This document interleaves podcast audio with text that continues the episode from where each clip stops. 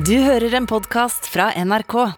Vi har tenkt at før eller siden, før avspark i eh, fotball-VM i Qatar 20.11, så ville det være naturlig at debatten tok en runde om ja, nettopp det at det skal være VM i Qatar. Nå kom det tidspunktet litt tidligere enn vi hadde tenkt, men eh, det vi oppdager eh, i dette tilfellet ganske sent i dag, det er at det er egentlig ikke så veldig mye debatt, fordi nå er det bestemt. Eh, Fotball-VM kommer til å gå sin gang. Det kommer til å vises på NRK og TV 2. Og det man står igjen med da, er egentlig private initiativer og egen samvittighet om man ønsker å følge disse TV-sendingene eller ei. Og det varer ikke i 40 minutter, altså. En debatt om, om det. Da vi innså det, så fikk vi også øye på et annet aspekt, et annet perspektiv på, disse, på dette arrangementet, nemlig det som tilhører minoritetsnordmenn, og spesielt norske muslimer. Veldig mange gleder seg veldig til at VM i fotball endelig skal avholdes i et eh, Midtøsten-land, og et, ikke minst for første gang i et muslimsk land. Veldig mange mener at Qatar Ja, selvfølgelig, det er fælt hvordan det har blitt tildelt, og det er fælt eh, at det skal skje i Qatar, men Qatar er tross alt ikke så mye verre enn de andre autoritære regimene som tilraner seg disse mesterskapene. Og de, er mitt inntrykk, mener også å se et hykleri i den vestlige opinionen når man kaster seg over lille Qatar og ser mellom fingrene med Russland og Kina spesielt. Eller for så vidt andre regimer som eh, sponser fotballklubber og driver med sportswashing i beste sendetid. Eh, og dette perspektivet det er jeg ganske sikker på det er nokså utbredt.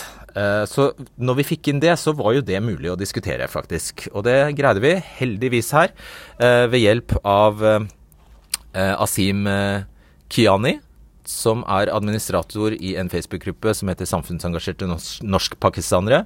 Så en spesiell takk til han for at han stilte opp på veldig kort varsel. Vi skal få et innblikk i hvordan det er, og hvilke arbeidsvilkår man har som journalist i Qatar, for det er jo nå et springende punkt. Både TV 2 og NRK insisterer på at de skal greie å veie opp uh, dette landsbildet som qatariske myndigheter ønsker å kringkaste til hele verden, med kritisk journalistikk. Så vi skal få en, et uh, vitnesbyrd om hvilke arbeidsvilkår journalister har der. Eh, så skal vi lære mer om Qatar, og ikke minst skal vi få høre fra NRK og TV 2 om hvordan de har tenkt da de i sin tid la ut millioner på millioner for dette eh, mesterskapet.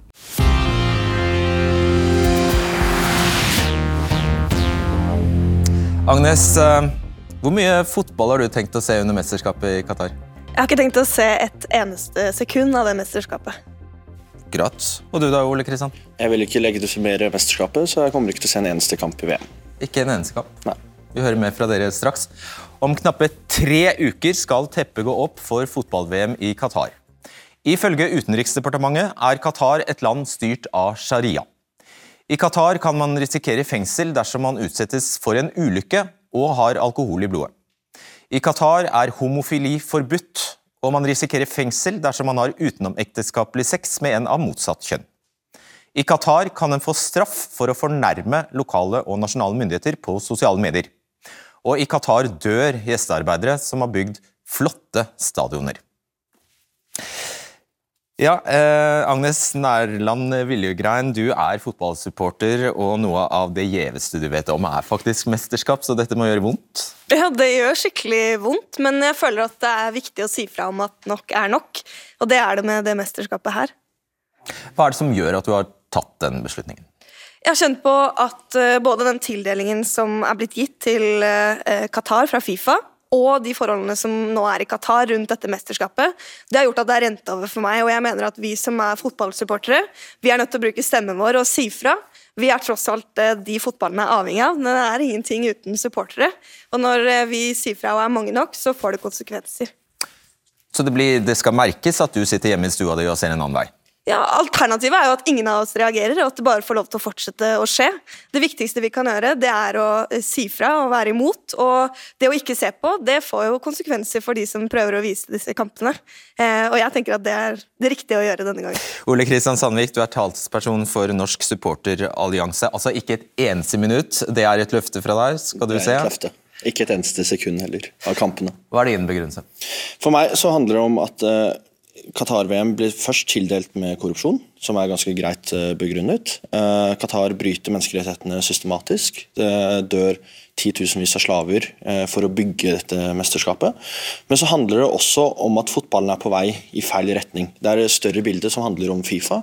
Det var Fifa som tildelte Qatar mesterskapet. Det er der korrupsjonen ligger. Eh, fotballindustrien i dag har blitt til at penga rår. Det, verdiene til toppfotballen i dag er langt unna det verdiene på fotballen på grasroten er, dessverre. Og Jeg ønsker jo at eh, vi skal dra fotballen tilbake og redde fotballen fra seg selv. Og Hvis du gjør noe helt annet når disse kampene går, startskuddet altså 20.11. Hvis du som privatperson finner på noe helt annet, går en tur i marka eller, eller hva, hva, som helst, hvordan skulle det kunne påvirke Fifa? Nei, jeg har en tro da, en grunnleggende tro på at uh, alle skal gjøre det som er riktig. Og hvert steg i riktig retning er et steg i riktig retning. Uh, vi var jo ganske mange som ønsket at norsk fotball skulle boikotte fotball-VM. Uh, sånn ble det jo ikke, men vi flyttet jo allikevel debatten her hjemme. Akkurat nå så jobber jo NFF i Fifa for å forbedre Fifa. Landslaget eh, hadde sine aksjoner eller markeringer som fikk flere andre land til å være med. Og Vi står jo her og diskuterer problematikken i dag, som vi ikke gjorde før masse fotballsupportere og fotballklubber begynte å ta tak i problematikken så har vi veldig ivrige seere, Agnes Willegrein, så noen vil sikkert i løpet av denne sendingen finne ut at du også er eh, vararepresentant for Arbeiderpartiet på Stortinget. Så kommer vi dem i forkjøpet. like greit, det, men det er jo ikke derfor du er her i dag. Du, når altså, VM og OL går til land som Russland og eh, Kina. Dette er jo land som jevnlig får kritikk for å bryte menneskerettighetene. Hvorfor setter du først foten ned her? Jeg syns vi skal kritisere alle de tingene. Og jeg tenker at særlig med det vi ser med Russland i dag, så burde den diskusjonen rundt eh, tildelingen av VM til Russland vært helt annerledes. Eh, men det jeg tror vi ikke skal undervurdere, det er at eh, nå er det veldig mange som reagerer. Nå er det veldig mange som engasjerer seg, og det er viktig. Det er viktig at vi er mange som bryr oss om dette, og jo flere vi er, jo større påvirkning har vi. Vi står her på NRK og debatterer dette nettopp fordi at de mot, den motstanden som har vært, får effekt da, og får påvirke. Så det, vi kommer ikke ikke unna at eh, det hjelper å engasjere seg. Da. Og fotball er den største idretten vi har, så det at vi engasjerer oss nå, det har masse å si. Så hvis det er penger som har gjort det mulig for et knøttlikte ørkenland i Midtøsten å arrangere fotball-VM midt på vinteren, ja, så er det få utsikter til at betalingssvindelen der avtar. Olje- og gassinntektene til Emiratet Qatar økte med 58% bare i første halvår i år. og Vi vet alle årsaken til det. Så hvor ille er det egentlig i Qatar? Vel, Det anerkjente amerikanske instituttet Freedom House lager årlig en kåring som tar for seg hvor frie 210 av verdens land er. Og De måler alt fra om det er ja, frie valg, til om, er, om kvinnelige journalister opplever sextrakassering på jobb. Norge, Finland og Sverige topper lista. Og Så scroller vi nedover, og på ja, vi kan her, på 149. plass finner vi feriefavoritten Tyrkia. På 154.-plass finner vi vel så populære Thailand. Og rett bak, noen få plasser etter det, kommer altså Qatar, som vi snakker om nå. Og sjekk denne lista her over utvalgte dette er et utvalg idrettsarrangementer emiren av Qatar har fått til landet siden 2005. Qatar har altså ja, det går fort her. Qatar har arrangert VM i vektløfting, Asialekene, VM i friidrett innendørs, VM i svømming, VM i håndball, boksing, sykling, turn, friidrett og nå altså fotball. Så la oss gå tilbake til Freedom House sin liste. Noe verre i denne kåringen enn Qatar er Rwanda. Dette fattige afrikanske landets turistmyndigheter sponser Arsenal. På 169. plass finner vi eh, det sentralafrikanske landet Gabon. Og dit reiste de to franske lagene Paris Saint-Germain og Bordeaux for å spille en finale i en fransk fotballcup. Rett bak Gabon ligger Russland på 170. plass. Russland arrangerte som vi vet, Sotsji-OL i 2014, og det var samme år som de invaderte Krim. Og så arrangerte de etter invasjonen fotball-VM i 2018. Og så har vi Kina, litt lenger ned på lista, på 191. plass. Kina som altså arrangerte vinter-OL i februar. Og så har vi Aserbajdsjan, som er et autokrati og som sponser Atletico Madrid. Og i 2019 spilte Chelsea og Arsenal finale i Europaligaen for menn i Aserbajdsjan. Og nederst på denne lista, eller på vårt uttrekk av mer eller mindre lekre regimer her, har vi Saudi-Arabia. Saudiske prinser eier masse fotballklubber, og i fjor spilte FC Barcelona og Boca Juniors Maradona Cup i Saudi-Arabia. Asim G. Kiani, du er, Kiani, du er administrator i eh, Facebook-gruppa Samfunnsengasjerte norsk-pakistanere. Med denne lista i mente, hva syns du om oppfordringene om å boikotte eh, fotball-VM i Qatar? Altså Prinsippet i seg selv, boikottarrangement, den støtter vi. De fleste av mine venner alle de støtter den. Det som vi derimot ikke støtter, er den dobbeltmoralen som ligger bak beslutningen. Altså, for det første, Når vi snakker om innovasjoner, altså Norge har jo selv vært med på å invadere andre land. Vi hadde jo en boikott. For en gangs skyld så klarte jo fotballandslaget å komme seg med i 1970 etter Jeg må spørre deg Hvilket land du sikter til? Vi snakker om Afghanistan. Afghanistan ja, etter 1979, da Sovjetunionen gikk inn der, så boikottet vi jo eh, OL i 1980. Og det var veldig prisverdig gjort. Og så har vi Senere har vi invadert dem, uten å, Afghanistan også, uten at noen har boikottet ski-VM eller håndball-EM eller hva det nå skal være. Så Jeg tror det er et, et, et tveget sverd vi sitter og veiver her i dette rommet her sånn. Og vi har invitert eh, deg for jeg tror du egentlig representerer ganske mange. Eh, fordi det du, eh, det du er opptatt av, er at det må finnes en felles standard for fordømmelse. Og du mener å se at her er vi veldig selektive. Kan ikke du utdype hva du mener? Ja, helt, helt, korrekt. Altså, det jeg sier er at Qatar skal få de, de, Qatar og andre regimer som ønsker å drive med sportswashing, har nå fått en skikkelig eh, en nesestyver. De har sett at det er ikke lett å organisere eller arrangere eh, store arrangement på, på verdensnivå uten å få skikkelig kritisk blikk på seg selv.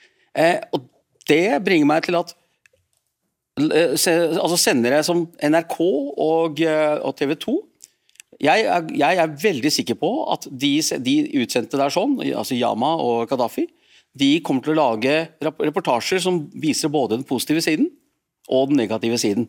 Altså utfordringene som er sånn. Og jeg tror på dialog. Jeg, jeg har ingen tro på at, at vi skal boikotte oss i hjel i, i, i, dette her sånn. Tror, tror, du på at, dialog med en emir som styrer med sharia? Absolutt ikke altså med emir, men du møter folket. En, en, en endringsprosess tar lang tid. Vi har kommet lang vei. La meg f.eks. si eh, Emiratene hvor vi da, i, i, begynnelsen, De som har vært der på begynnelsen av 70, altså, unnskyld, da de begynte å eksistere på 70-tallet og 80-tallet, så vet vi at fremmedarbeiderne der sånn hadde ekstremt dårlige kår.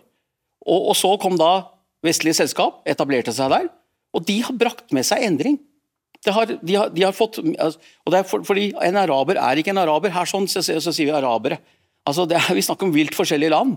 Oman for eksempel, har ikke avgitt en eneste person til ISIS. Er det noen her som er klar over det? Veldig få. Så vi, vi skiller ikke mellom de respektive landene og regimene, og det er, det er jo da kongedømmer. Og før vi går videre her, hvilken, hvilken rolle mener du i denne nokså kollektive vestlige fordømmelsen av dette lille emiratet? Hvilken rolle spiller, spiller, det at det er et muslimsk land, og det første muslimske landet som arrangerer noe så stort som et fotball-VM? Hvilken rolle mener du det spiller? Ja, det, for Norge? For fordømmelsen. Altså... For, for, fordømmelsen? Jeg tror at vi, de har aldri opplevd en sånn Hva på si det på, på uh, riktig engelsk, en ordentlig shitstorm. Jeg tror aldri de hadde forventet at det skulle bli så ille. Syns du det er dobbeltmoralsk at Vesten angriper akkurat dette lille muslimske landet? Jeg syns det er dobbeltmoralsk at vi ikke er konsekvente. Ja, og at, vi, og at vi, burde være like strenge i fordømmelsen av andre regimer som ikke er muslimske? Er det så, ja, ikke bare ikke-muslimske, ikke også generelt. Det er, det, det, er, det er, så mange arrangement rundt omkring som tildeles uh, land som har eh, Vi snakker om dødsfallet på 3000-4000 arbeidere, sånn, ikke titusener, Ole Kristian. Bare for å korrigere den. Men, men, men ett dødsfall er ett dødsfall for mye. Bare så det prinsipielle er sagt. Du skal få svare på den, og så skal jeg bare si at vi har eh, Andreas Seljås her, ansvarlig redaktør i idrettspolitikk. Kan ikke eh, vi lar eh, Ole Kristian få svare på det før, før du slipper til? Hvis du tar Det med dødsfallene, fordi det er strid om det. Hvor mange? Ja. Eh, Det ene tallet kommer fra The Guardian, som hadde en artikkel i starten av 2021, eh, hvor de sa tallet 6500. Men de hentet jo da tall fra India, Bangladesh, Nepal, Sri Lanka og Pakistan. De tok jo f.eks. ikke med tall fra Kenya og Filippinene, som er to land som sender ganske mange fremmedarbeidere, eller slaver som de i realiteten er, til eh, til eh, Qatar. Eh, så det er jo mest sannsynlig mange flere som har dødd enn det vi vet om. Ja, Vi finner ikke ut av det i, i, i kveld, men det er altså ganske stor uenighet om, om de eksakte dødstallene her. Det skal vi bare merke oss. Så Andreas Seljås, fortjener Qatar den ekstraordinært sterke kritikken dette landet får? Altså Når de søker om fotball-VM eh, på falske premisser i utgangspunktet, og du ser alle de bruddene på menneskerettigheter etterpå, så, jo, så mener jeg de fortjener det. Altså Det er den mest hårreisende tildelinga som er gjort i idrett. Eh, og så kan man eh, gjerne, Vi har ikke gjort det til Jeg har kritisert Russland, Kina, alle andre land i mange mange år. Så er ikke, vi er ikke vi heller oppi dette her. Og så, må vi, vi må skille mellom forskjellige ting her. fordi at at det vi snakker om, det er idretten. Altså idrettens framtid. Eh, på 80-tallet og 90-tallet så så vi ikke stater som gikk så enormt inn og investerte i idrett, og som egentlig ikke har idrettens ve og vel som utgangspunkt, men en, eh, helt andre hensikter. Og Med en gang de blir uinteressert i idrett igjen, så går det til et annet sted, og da ligger idretten død. Det er det som er hele uh, utgangspunktet her. Så at de fortjener den kritikken, ja. Og Det er også mange andre elementer som er så stygt og vulgært med det mesterskapet her. Og det er hvordan de driver en sånn uh, påvirkningskampanje. De kjøper opp akademikere, de kjøper opp journalister. Eh, norske journalister i Josimar som skriver kritisk, de blir trua med søksmål. Altså Det er liksom Og de to eh, menneske- ja, ja, De to menneskene som har jobba i Supreme Committee, som har ytret bekymringer og sagt at ting foregår, de har blitt saksøkt og havna i fengsel. Altså, De fortjener den kritikken, men det betyr jo ikke at andre ikke fortjener kritikk. Altså, Vi må ta de som holder på sånn. Alle fortjener like mye kritikk. Og, og, og når du ser den lista her, og den påminnelsen det antagelig er for deg, som kan alt det, eh, dette her, om hvordan eh, vestlige fotballklubber eller vestlige idrettsorganisasjoner smisker seg, altså er med på, gjør ganske eh, spektakulære greier.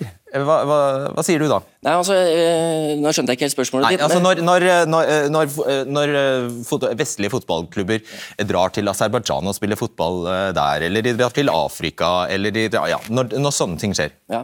Altså Når det gjelder Aserbajdsjan, så har jo de prøvd seg på samme måte som Qatar. Eh, sånne ting. Men, men det som er litt av poenget her, da, det er at hvis du bruker klubber, så har det vært et press mot f.eks.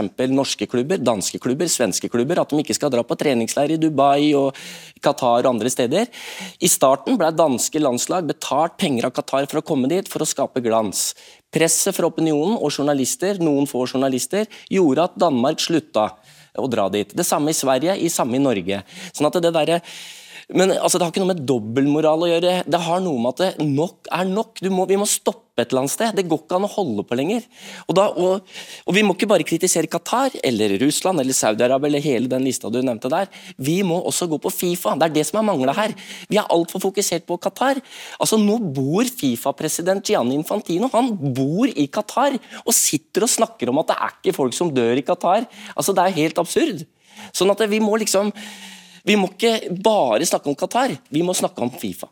Ok, Du, du, du verker sånn, så jeg tror Stine, så du skal få gjøre det for egne slipper. Jeg har bare veldig lyst til å si at, eh, og Derfor er det så viktig at vi som fotballsupportere tar tilbake idretten vår. Og Om det er å skru av skjermen eller ikke, det skal ikke jeg være moralsk overdommer for. Men det jeg er opptatt av å minne folk på, det er at vi avgjør hvor mye penger dette er snakk om. Vår TV-titting avgjør hvor mye dette er verdt. Og det er penger disse folka lytter til. Det er det de er opptatt av. Og ved å skru av den skjermen, så er vi med å påvirke det. Eh, Så Jon Peder Egnes, generalsekretær i Amnesty International. Dette var jo et utvalg. Det var, eh, det var vårt utvalg av eh, regimer og eksempler.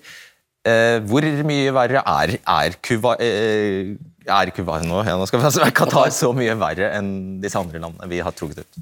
Nei.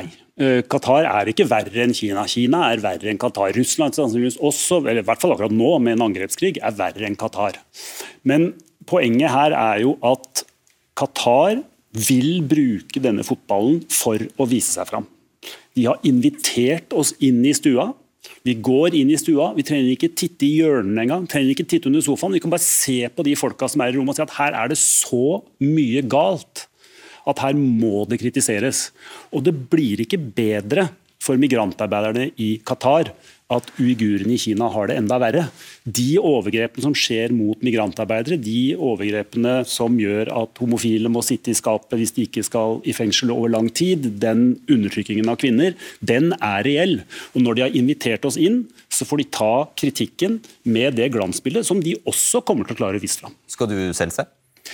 Nei, jeg, er, jeg, altså jeg, har ikke sagt at jeg skal boikotte. Eh, jeg, eh, jeg, er vankelmodig, er det det heter på gammeldags, eh, når det gjelder fotball. Men, men, men, jeg bare kjenner at jeg mister lysta. Altså, det er sånn at Jeg har ikke lyst til å se den fotballen. Men jeg garanterer ikke at hvis det kommer en klassiker England-Tyskland, at jeg ikke sitter i mørket. Men, men, men, men, det er på en måte ikke det viktige for meg. Og, jeg er bare lyst til å ta, én ting.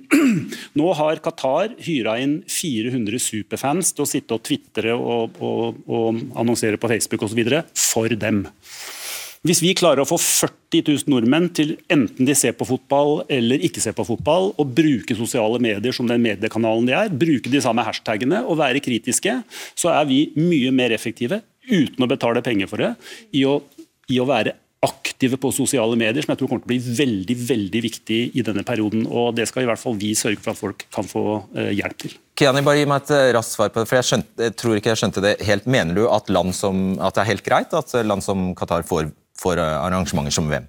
Absolutt ikke. Altså, det, det, det går på, er, er altså Vi må ta prosessen. Og det er som, som korrekt sier her borte, det er tildelingen. Hvem har gjort tildelingen? Jo, det er Fifa. Det er 20 personer som sitter og tildeler det. Vi vet at Platini solgte stemmen sin. Vi vet også når det gjelder hvem som tjener penger på disse menneskene som dør. Det er faktisk, det er faktisk de som uh, Entreprenørene. Og entreprenørene er faktisk vestlige selskap. De har tjent enorme summer. Se på hotellkjedene. Det er et visst, en viss fransk hotellkjede som har priset rommene til 10 000 kroner i natten. Og så skal jeg, Det er vel her det passer å legge til at eh, Fifa har vi vel med tror jeg ikke vi har invitert. Det tror jeg vi bare ikke gadd. Men Lise Klavnes har vi invitert, og hun var dessverre i Sveits. Hun ville gjerne komme hit, men hun var i Sveits. Uh, Selios? Ja, det, jeg vil bare si en ting. fordi at eh, Når det gjelder det der med sammenligninger med norske myndigheter og sånne ting, jeg mener at det blir et sidespor eller kanskje feilspor. fordi at hvis du går inn og ser på Fifas egne etiske regler om hvordan man skal behandle mennesker, så kan man bare forholde seg til det. Og hvis fotballen mener at man er selvstendig og har integritet, så er det det man forholder seg til. Man trenger ikke å se på alle andre. for Hvis fotballen går foran som et godt eksempel, så kan det godt hende at de andre følger med. Og Jeg vil bare understreke hvor ille det er for eksempel, jeg jobber som journalist har som journalist med dette. her, og på Neste uke så kommer en dokumentarfilm om den norske uh, boikottdebatten. Der viser jeg fram chattelogger av topplederne i Fifa, hvor provosert de blir av norske journalister og av f.eks. fotballpresidenten i Norge. der de lager et spinn og leier eller uh, trakterer disse organisasjonene. Uh, så dere må si det, dere må si det, fordi at nå får vi kritikk. Som viser at veldig mye av de rapporteringene vi har fått, det er rett og slett bare uh, et spill fra Qatar. Og det tar du med deg videre inn i neste ball, for da, da får vi mediehusene her, og så kan du si det rett til, til dem. No, noe av problemet er jo at f.eks. den korrupsjonen som var i tildelingen, da, eh, og Russland og Qatar fikk jo VM samtidig, eh, det har jo ikke fått noen konsekvenser. Og Når korrupsjon ikke får noen konsekvenser, så kommer jo den korrupsjonen til å fortsette. Og Det er jo noe av det vi har jobbet med, vi som ønsker boikott, å få endret Fifa. Bl.a. med å bli kvitt den korrupsjonen. Og Det tar lang tid, det kommer ikke til å skje over natta, men vi må starte et sted. Og nå har vi startet her. da. Ja, men Går det framover i det hele tatt? Ja, I de små, da. Vi står jo her og diskuterer, i hvert fall. Det gjorde vi ikke med Russland, f.eks. Så på fire år så har vi kommet litt framover. Okay. Charlotte Lysa, velkommen til deg. Takk. Du er forsker ved Institutt for kriminologi og rettssosiologi ved Universitetet i Oslo. Har skrevet en doktorgrad om samfunn, politikk og fotball i Qatar og Saudi-Arabia. Og har drevet feltarbeid der og har bodd der, ikke sant? Mm. Ja. Hvis du bare skulle beskrive for en veldig for godt tilvendte nordmenn, hvordan er menneskerettighetssituasjonen i Qatar? Menneskerettighetssituasjonen i Qatar den er jo mildt sagt utfordrende. og Da er det jo særlig for migrantarbeiderne, skeive og kvinner, som, som, ofte blir trukket fram. Uh, og så er det jo helt grunnleggende en utfordring at der er det ikke noe reell ytringsfrihet, organisasjonsfrihet eller forsamlingsfrihet, så det er heller ikke mulighet til å protestere lokalt på de forholdene som er. da. Og emiren er eneveldig? Qatar er et absolutt monarki. Det finnes et sånn rådgivende parlament, men de har ikke noe reell innflytelse. Hmm. Er det noe som har endret seg? Nå vi hører jo, og Det er et argument som går igjen at eh, ja, når de får flombelysning på seg, så endres samfunnet til det bedre. Er det noe som tilsier det? Ja og nei. Det har skjedd ganske store reformer sammenligna med, med nabolandene f.eks. på migranters rettigheter, men disse endringene er stort sett på papiret og gjenspeiles i ganske liten grad på forholdene på, på bakken. Eh, F.eks. har man innført en minstelønn som nå ligger på ca. 2800 norske kroner, mener jeg. I måneden. Eh, I måneden, ja. Eh, og kost og losji i tillegg til det. Men så vet vi bl.a. fordi fotballbladet Josimar har gjort sine undersøkelser, og lokalt forankra organisasjoner også, at veldig, veldig mange ikke får den minstelønnen engang. Eh, eller ikke får betaling i det hele tatt. Eh, og så har man også noen andre mer sånn systemiske endringer som går på dette kafala-systemet som man ofte snakker om. Eh, som handler om at man har som migrantarbeider en, en sponsor som er ansvarlig for oppholdstillatelsen. Men helt grunnleggende så er det et maktforhold der som er så skeivt at de endringene har veldig lite å si i realiteten, særlig når du da ikke har frihet til å danne fagforeninger Eh, eller streike eller protestere på de forholdene som er der for, eh, for arbeidsmigranter, da, særlig. Stemmer det som det blir sagt her, at det er vestlige selskaper som er entreprenører? Ja, det er det mange av. Mm. Uh, en ting er jo forholdene for gjestearbeidere, og jeg regner vel egentlig med at det er derfor det er så mye baluba rundt Qatar, først og fremst. Fordi det er den andre halvparten av befolkningen som Den lever vel Selv om de ikke har rettigheter, så lever de vel i nokså sus og dus? Et søkkrikt land? Eh, for det første så snakker vi ikke om halvparten, vi snakker om omtrent 10% som er statsborgere ja. i, Qatar. Det er så mye som 90% som er arbeidsmigranter, og så mye som 70% av dem som er disse lavtlønna, gjerne anleggsarbeidere og andre. da. Eh, for eh, altså Du kan si det enkelt at det, hvem du er, har veldig mye å si. Det er en stor forskjell på om du og jeg er i Qatar, om en qatarsk statsborger er i Qatar, og om en arbeidsmigrant Eh, fra et fattig land er i Qatar. Og veldig mange i Qatar vil jo si at de lever fint, eh, og at de har det bra. Eh, økonomisk holdende, kanskje. Men så er det sånn at som kvinne f.eks. så kan du ikke reise ut av landet hvis du er ugift før du er 25 år uten tillatelse fra faren din. Så det er selvfølgelig ikke noe problem hvis faren din er snill og grei, men hvis han ikke er det, så er det et ganske stort problem. Ja, det skjønner vi. Jeg tror setter eh, det, Jeg tror det holder. takk skal du ha. Tusen takk. Du skal, dere skal straks forlate oss, men eh, har du noe å legge til rundt det vi har hørt? Ja, og det er at det finnes et alternativ til å gå i marka i stedet for å se VM. Og det er å se Champions League for damer. Da kan man være med på å støtte damefotballen også, så det vil jeg oppfordre folk til å bruke tida si på framover. Nei, jeg mener jo at uh, Hvis man er med på å se på VM, for eksempel, eller sende VM, sånn som NRK TV 2, så er man på å legitimere VM. Og Hvor mindre legitimasjon mesterskapet får, hvor bedre er det også på lang sikt. Og ja, Vi er kanskje, uh, vi greier ikke å endre Qatar, men kanskje vi greier å hindre at f.eks. Saudi-Arabia får VM uh, på 2030-tallet. Noe de prøver å jobbe for. Og Saudi-Arabia er et mye verre land enn Qatar igjen. Da gjør vi et lite skifte. Tusen takk for at dere kom. Takk. Ja, Det sies at det har kostet NRK og TV 2 100 millioner kroner å få rettighetene til fotball-VM. Skattepenger skal altså finansiere det mediehusene ikke engang våger å kalle en fotballfest. Velkommen, redaksjonssjef i NRK Anders Sårheim, eh, fotballsjef i TV 2 Eistein Tue og redaktør i ABC Nyheter David Stenrud. Det er altså, Stemmer det? Du kan bekrefte prislappen først som sist. Soram. Stemmer det at du bruker så mye offentlige skattepenger på dette? Nå er vel Den type opplysninger noe som tilhører avtaler som ikke vi går ut med. Så det tror jeg vil være. Ja. Men det stemmer at vi altså, dere har brukt veldig mange penger på å sende VM fra et land som konsekvent bryter menneskerettigheter. Hvordan, vil, hvordan forsvarer du det? Altså For NRK er det jo eh, først av alt viktig å si at vi har stor forståelse for eh, den debatten som er nå, og vi har stor forståelse for de som velger å boikotte og, og drar de resonnementene. Argumentasjonen er vi i stor grad enige om, og så er konklusjonen litt annerledes. For NRK er det viktig å ha store sportsbegivenheter og rettigheter til disse. Hvilken del av argumentasjonen er du enig i? At Qatar er et regime vi på ingen måte legitimerer. Det ble jo sagt her at eh, vi er med å legitimere. Det er vi jo på det sterkeste helt uenig i.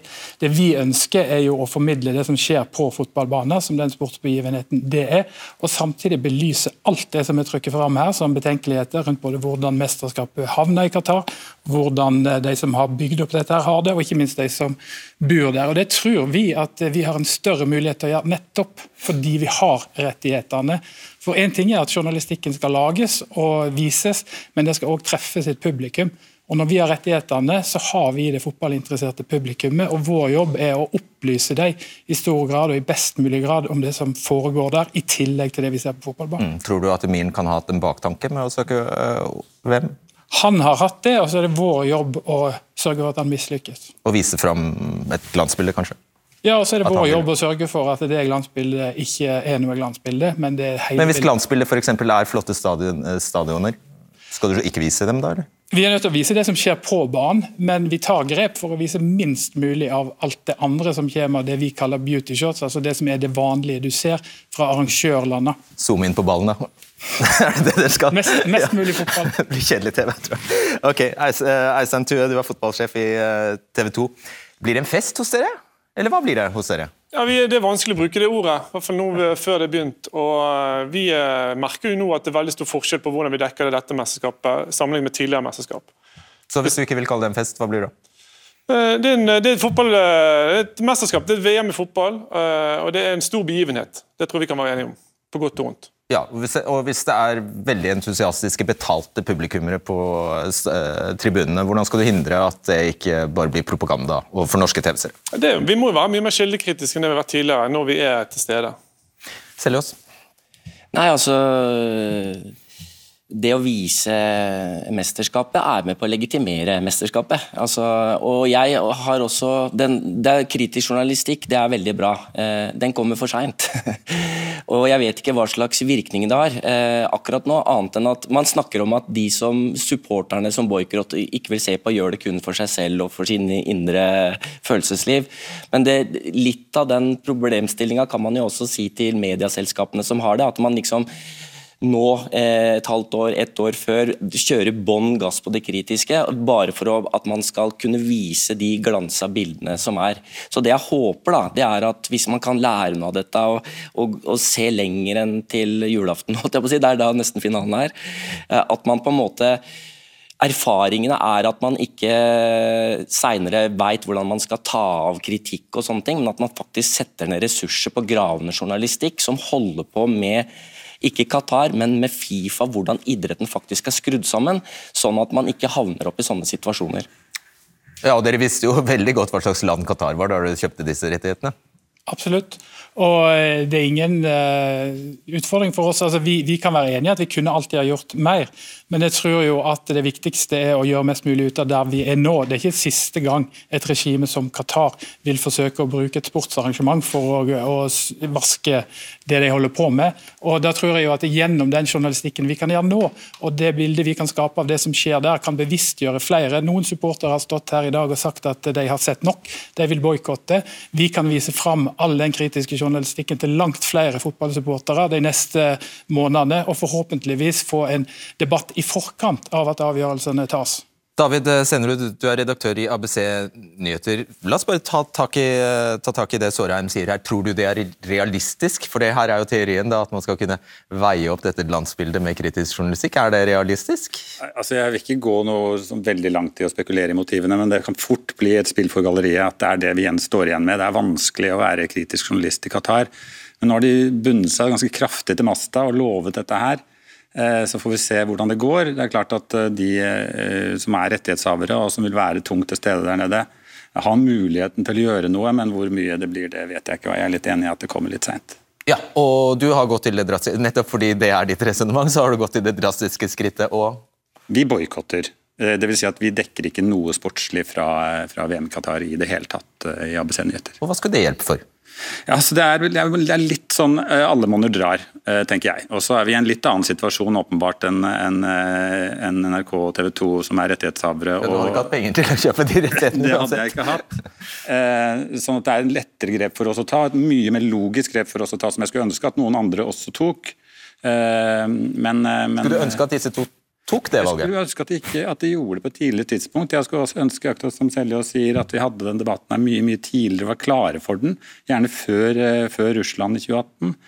Men, eh, men, så nå er vi her. Vi er, er vi her. Men var det et vanskelig valg å kjøpe disse rettighetene? Mm, nei, altså det var en del av en pakke. og det var en, uh, Dette var tolv år før mesterskapet kom. Det var vanskelig å forutse egentlig uh, hvordan det ville se ut. Men jeg er jo helt enig i at uh, journalistikken på veien fra 2010 frem til i dag har ikke vært på det nivået han burde være. Og Jeg tror faktisk det mesterskapet er et uh, epokeskifte for uh, forhåpentligvis Fifa og tildeling av mesterskap, men også for journalistikken rundt mesterskapene. Der ga du meg det riktige stikk stikkordet, for én ting er jo viljen, noe annet er altså evnen. Og eh, TV 2 har både NRK og, og, muligheten. Både TV 2 og NRK sender egne reportere for å nettopp dekke alt det som da ikke skjer akkurat på fotballbanen. Trine Melheim Næss, du er reporter i TV 2 med oss fra et sted i Midtøsten i kveld, der du altså dekker stoff i forbindelse med fotball-VM. Etter hvert skal du bevege deg videre til Qatar, der du har vært fire ganger tidligere.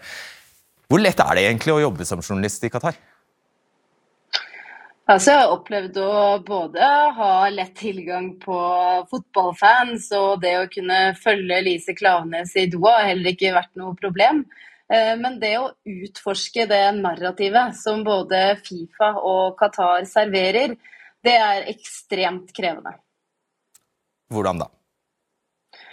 Nei, eh, det er vanskelig å få svar. Eh, både fra Fifa, fra myndigheter, ansvarlige personer. Eh, det er også veldig krevende å filme, fordi man bare har lov til å filme på, på restriktive steder, og, og, man blir stoppet hvis man ikke overholder de reglene. Eh, man blir også fulgt ned på, eh, det, det vet man veldig godt. Både gjennom en smittesporingsapp, men også at man merker sånn subtilt at det er noen som følger med på hva du driver med. Blir du behandlet annerledes enn mannlige kolleger? Jeg har ikke opplevd det. Og for min del så har ikke dette handlet om at det er vanskelig å være kvinnelig journalist. Det handlet om at det er vanskelig å være journalist, og at det er vanskelig å få tilgang til kilder. Hva slags saker er det du planlegger å, å lage fra Qatar? Jeg tror kanskje sånn når det kommer til konkrete saker, at jeg skal ta det med min reportasjeleder og ikke med deg. Men sånn rent overordna så skal vi jo være til stede og observere. Eh, jeg tror det er veldig vanskelig å vite nå eh, hvordan dette vil bli, hva som vil utspille seg. Eh, jeg tror alle er spente på hva slags handlingsrom vi egentlig kommer til å få. Så jeg tenker at det er kjempeviktig at vi også adresserer dette mot Fifa, og følger opp Infantinos ord om at dette kommer til å bli det beste VM noensinne. Helt uh, til slutt her. Vi har jo sett og hørt programledere som skal dekke, og kommentatorer uttrykke sterk uh, tvil om de mente om hvorvidt de ville stille på disse sendingene, om vi ville gjøre jobben, rett og slett, og har sagt det var et dilemma. Har du opplevd det som et dilemma å utføre det oppdraget du er der for? Nei, absolutt ikke. Jeg tenker at det er ekstremt med, viktig med tilstedeværelse. Vi vet at vi kommer til å få produksjonsbilder som ikke ivaretar den journalistiske konteksten. Og vi er nødt til å være der, og observere den informasjonskrigen som, som, som er der, og som, som, kommer til å bli mye, mye kraftigere. Eh, for å kunne vite hva vi serverer videre til våre seere og lesere. Takk skal du ha, Trine Melheimnes, og lykke til. Takk. Ja, eh, eh, jeg tror ikke jeg forsto det helt. Mener du at det var feil av dem å kjøpe rettighetene i det hele tatt? Altså, eh, det er litt vanskelig å svare på, men altså, det, det, det, går an selv om man har kjøpt noe, og si at vet du hva, dette orker jeg ikke. Men akkurat den diskusjonen vil jeg ikke legge meg opp, egentlig. Men det, det, som, det er to ting her. Det ene er at uh, Trine er veldig flink, hun har gjort veldig mye bra om, om Qatar. Uh, og så syns jeg det hun presenterer, er nemlig hvor vanskelig det er for journalister. Det er enda verre for de som er fra Qatar eller Midtøsten. Men den der at det ikke har vært mer sånn kollegial fellesskap. Altså at norske journalister på mange måter har snakket om pressefrihet og sånne ting, det syns jeg er veldig veldig merkelig. Altså, du kunne jo f.eks. hatt en boikott av alle pressefolka som sa vet du, vi vil ikke være med på pressekonferanse for eksempel, fordi at dere behandler oss som dritt. Det er til Fifa, for eksempel. For eksempel.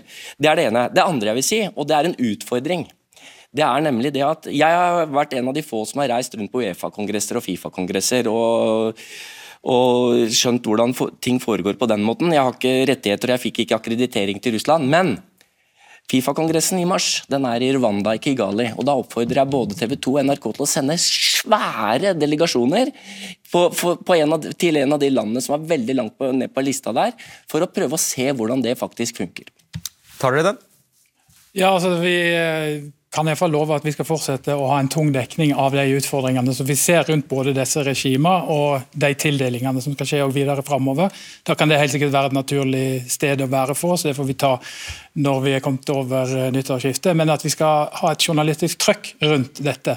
For dette er ikke siste gang det vil eh, foregå mesterskap i tvilsomme regimer, det kan vi love. Ja, dessverre har, har du vel antagelig rett i det. Men Tue, tu, um, kan du bare innrømme at sannheten her er at det folk vil se på TV de neste kommende ukene, er fotball, og ikke nødvendigvis 100 reportasjer om hvordan gjestearbeidere i Qatar har det? Jeg tror norske seere vil se begge deler. Og vi har også undersøkelser som viser at det er noen som eh, kommer til å boikotte eh, VM, og det er noen eh, omtrent like stor gruppe som ikke mener politikk og fotball skal blandes i det hele tatt. Men det store segmentet ligger et sted midt imellom. og føler på den ambivalensen jeg tror mange her i rommet også føler på. Men dere trenger seere for å forsvare denne investeringen? Ja da, men eh, vi er opptatt av innholdet først og fremst. Du får avslutte for oss, Sendro. Unnskyld? Du skal få avslutte for oss. Ja, ja, ja. ja. Har du ikke noe direkte spørsmål til meg? Jo, det har jeg hvis du vil. jeg kan ta et her om uh, hvis, hvis, Norge hadde kvalifisert seg, nå vet vi alle at det ikke skjedde, hvilken situasjon hadde vi stått i da, mener du? Ja, det har vært mye vanskeligere. Ja, ja, det har vært kjempemye vanskeligere for oss å, å, å, kjøre en boikott, helt åpenbart.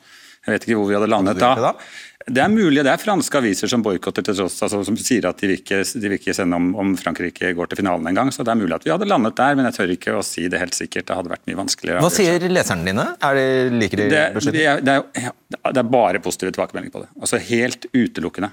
Jeg har fått litt negative, men det er fra kolleger som ikke er enig i at journalister eller redaksjoner skal drive med boikott, men fra leserne utelukkende positive tilbakemeldinger. Ja, da ser man det. Da, eh, det var det vi hadde tid til i kveld. Du kan fortsette å debattere på nrk.no Fredrik Solvang. Vi er tilbake på torsdag. Ha det bra.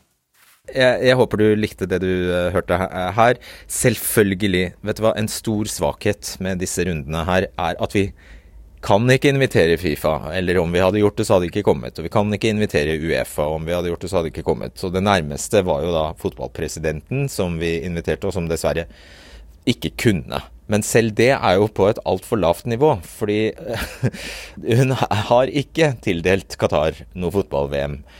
Ja, nei, Det er jo den store frustrasjonen min som journalist her, at dette er så viktig, det er så stort, det angår en hel verden. Det handler om eh, makt og politikk og, og menneskerettigheter og idrett og, og verdens største idrett. Eh, men så få så er vi så langt unna å eh, få spurt de som faktisk tar beslutningene her om eh, Eller stilt dem til ansvar. Så det er en kjempefrustrasjon. Men selvfølgelig, alle monner drar, forhåpentligvis. Og de norske journalistene som skal ned dit, la oss håpe at de får noen av disse tale. Og at, eh, og at egentlig at mediehusene får rett i at, at dette er den riktige metoden og måten å gjøre det på, da. La oss håpe det. Ha det. Du har hørt en podkast fra NRK. De nyeste episodene hører du først i appen NRK Radio.